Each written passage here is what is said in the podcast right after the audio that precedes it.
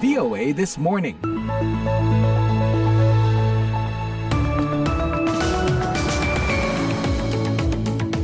Halo halo pendengar, selamat pagi, good morning dari ibu kota Amerika di Washington DC.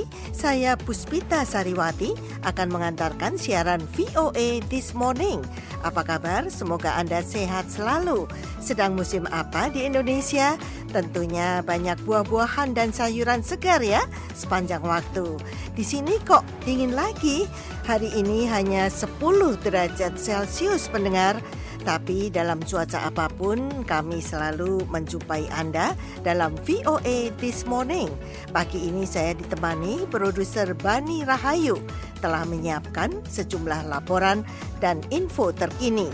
Di antaranya, Presiden Filipina Ferdinand Marcos Jr. berkunjung ke Gedung Putih di tengah ketegangan di kawasan Indo-Pasifik.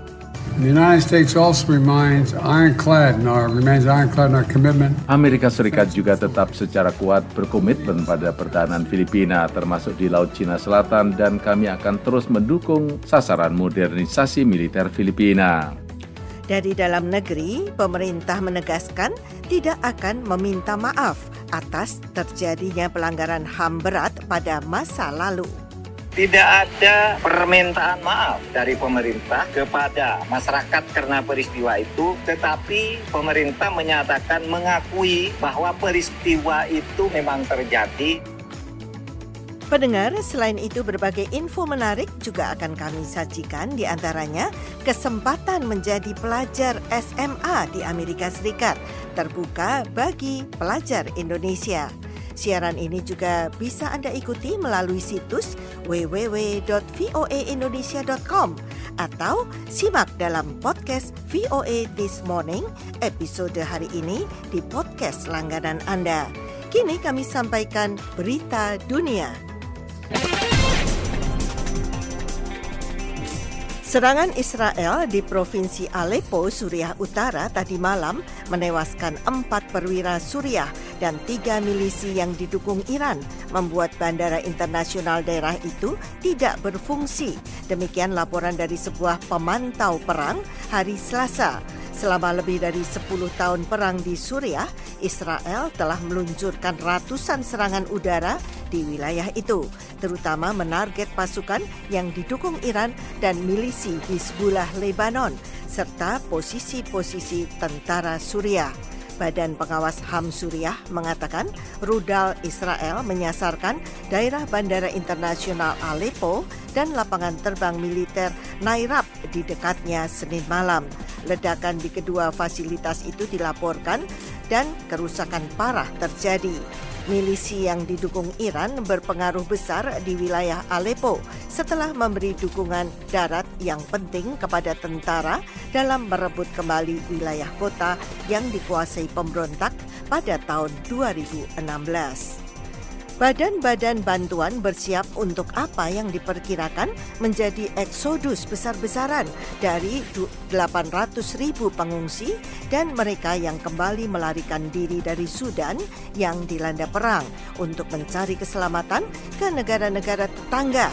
Itu terjadi ketika lembaga dan mitra kemanusiaan PBB menghadapi kekurangan dana yang parah.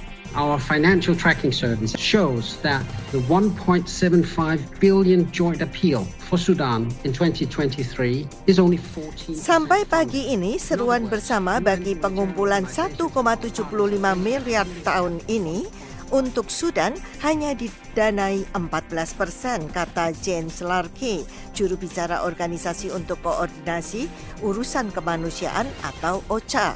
Dengan kata lain, Badan Kemanusiaan PBB dan mitra kami menghadapi kesenjangan pendanaan sebesar satu setengah miliar tambahnya. Badan Pengungsi PBB melaporkan lebih dari 100 ribu pengungsi Sudan melarikan diri ke negara tetangga sejak pertempuran meletus antara tentara Sudan dan pasukan dukungan cepat pada 15 April. Namun keadaan berubah cepat, kekerasan meningkat di ibu kota Khartoum dan di seluruh negeri.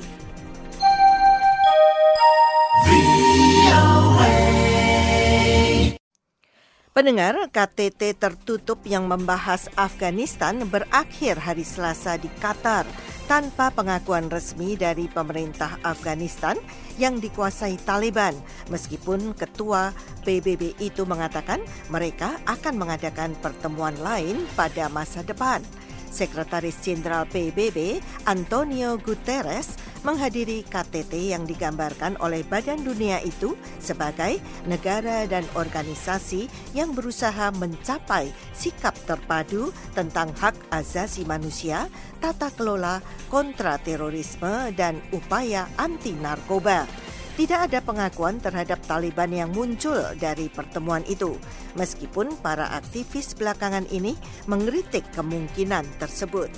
To achieve our objectives, we cannot disengage, and many called for engagement to be more effective and based on lessons which we have learned from the past. Untuk mencapai tujuan kita, kita tidak bisa mengabaikan kontak dan banyak yang menyerukan keterlibatan agar lebih efektif dan berdasar pada pelajaran yang telah kita raih dari masa lalu, kata Guterres.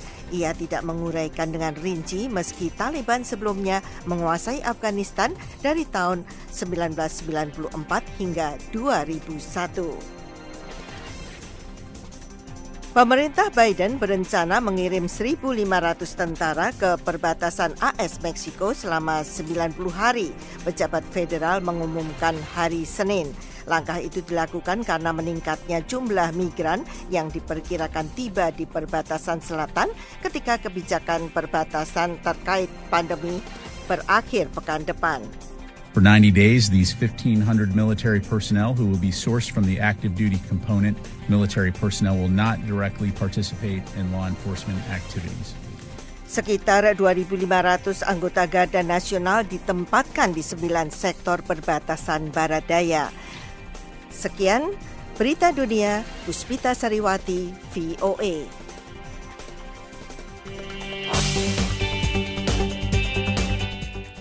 Pendengar, Presiden Filipina Ferdinand Marcos Jr. berkunjung ke Gedung Putih hari Senin, sementara berlangsung ketegangan di kawasan Indo-Pasifik. Presiden Joe Biden mengatakan komitmen AS ke negara kepulauan itu kuat di tengah-tengah kerjasama militer yang ditingkatkan. Filipina telah memberi akses kepada Amerika atas empat pangkalan militer tambahan. Terakhir kali seorang presiden Filipina datang ke Gedung Putih berlangsung pada 2012. Banyak yang telah berubah, bukan saja para pemimpinnya. Pada Senin, Biden mengidentifikasi ancaman terbesar secara tidak langsung dan menandatangani persetujuan kerjasama pertahanan baru yang akan memperkuat keamanan dan modernisasi militer Filipina.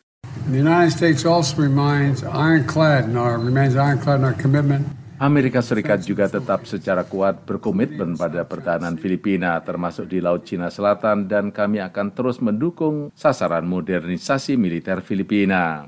Presiden Marcos mengatakan negara kepulauannya berada di garis depan dalam menghadapi ketegangan yang meningkat di Laut Cina Selatan.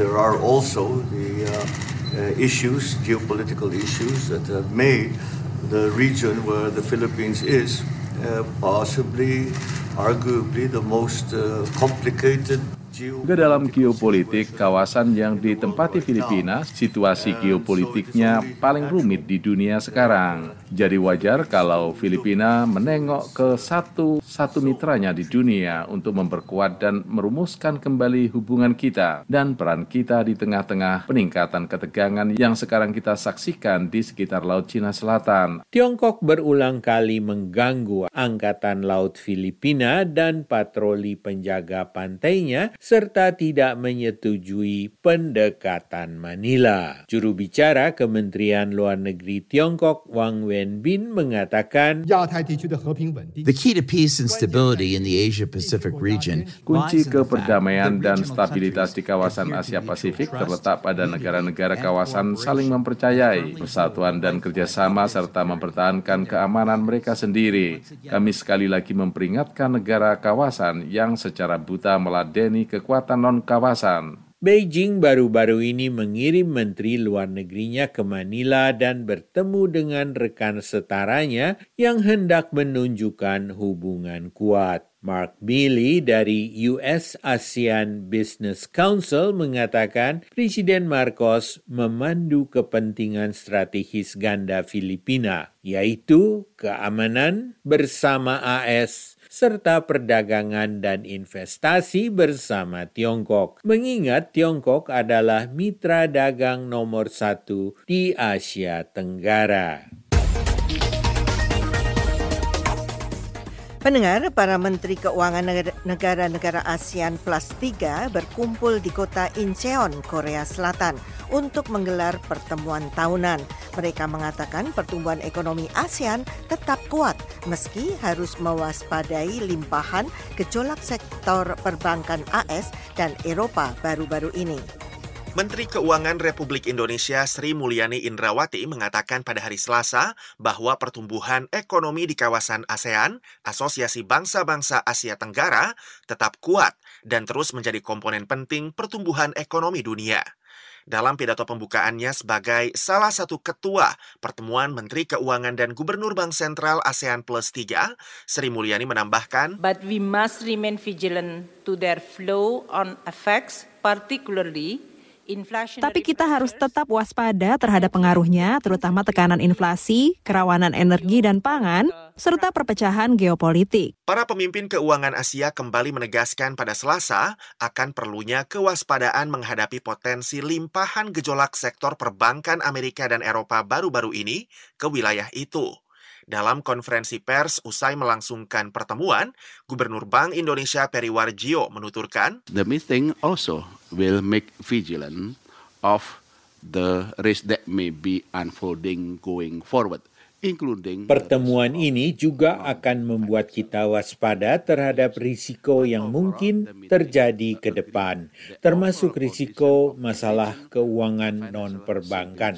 Namun secara keseluruhan, pertemuan ini menyepakati koalisi kawasan, stabilitas sistem keuangan dengan ketahanan baru-baru ini terhadap kondisi-kondisi pengetatan di tingkat global. Warjio juga mengatakan otoritas moneter perlu mempertimbangkan dampak terhadap stabilitas keuangan dalam merumuskan kebijakan moneter untuk stabilitas harga. Meski demikian, Gubernur Bank of Japan Kazuo Ueda mengatakan bahwa risiko penurunan ekonomi Asia lebih kecil daripada wilayah lain di dunia. Sebagian karena ketahanan kawasan terhadap kesulitan sektor perbankan di Amerika dan Eropa.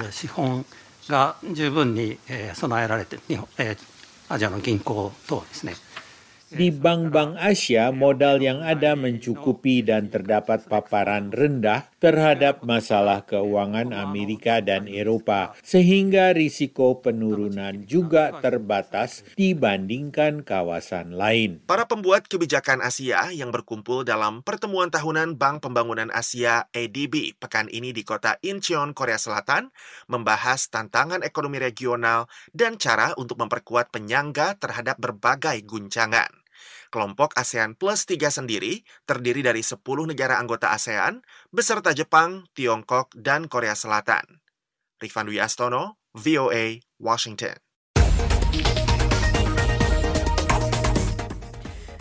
Pendengar, pemerintah menegaskan tidak akan meminta maaf atas terjadinya pelanggaran HAM berat yang terjadi pada masa lalu. Pemerintah menegaskan tidak akan meminta maaf atas terjadinya pelanggaran HAM berat yang terjadi di masa lalu. Pernyataan tersebut disampaikan oleh Menko Polhukam Mahfud MD usai menggelar ratas yang dipimpin oleh Presiden Jokowi bersama dengan 19 pejabat tinggi termasuk Panglima TNI, Kapolri, Jaksa Agung, dan kepala lembaga terkait lainnya. Rapat tersebut ujar Mahfud membahas tindak lanjut rekomendasi Komnas HAM terkait penyelesaian non-yudisial pelanggaran HAM berat di masa lalu. Tidak ada permintaan maaf dari pemerintah kepada masyarakat karena peristiwa itu, tetapi pemerintah menyatakan mengakui bahwa peristiwa itu memang terjadi dan pemerintah menyesali keterjadinya peristiwa itu. Lanjutnya juga tidak ada perubahan status hukum terhadap peristiwa-peristiwa masa lalu seperti TAP MPRS nomor 25 tahun 1966. Ke depan Tambahnya, pemerintah akan fokus kepada korban pelanggaran HAM berat masa lalu sesuai dengan temuan dari Komnas HAM yaitu yang mencakup 12 peristiwa. Pemerintah kata Mahfud selanjutnya akan meluncurkan upaya penyelesaian pelanggaran HAM berat secara non-yudisial. Upaya pertama akan dilakukan di Aceh pada bulan Juni mendatang yang dipusatkan di Simpang 3, Rumah Gedong, Pos Satis, serta Jambu Kepuk. Sebagai bagian penyelesaian itu, negara juga akan memulihkan nama baik para eksil yang saat ini telah bermukim di luar negeri yang menjadi korban pelanggaran HAM berat di masa lalu, salah satunya pada peristiwa G30 SPKI tahun 1965. Menanggapi pernyataan Mahfud MD itu, salah seorang orang tua korban peristiwa Semanggi I yang bernama Bernardinus Realino Norman Irmawan atau yang biasa disapa Wawan, Maria Katarina Sumarsih kepada VOA mengatakan, sebenarnya yang terpenting bukanlah permintaan maaf. Menurutnya permintaan maaf tidak perlu diucapkan dengan kata-kata atau dituangkan ke dalam sebuah keputusan peraturan perundang-undangan. Yang terpenting ada perubahan tingkah laku dari penguasa dengan berani mempertanggungjawabkan penembakan para mahasiswa pejuang reformasi dan demokrasi dalam tragedi Semanggi 1 13 November 1998 dan Semanggi 2 di meja pengadilan HAM ad hoc. Hal ini dikarenakan ada ketentuan bahwa untuk pelanggaran HAM berat yang terjadi sebelum Undang-Undang Pengadilan HAM disahkan harus dipertanggungjawabkan di pengadilan ad hoc. Dari Jakarta, Gita Intan melaporkan untuk VOA Washington.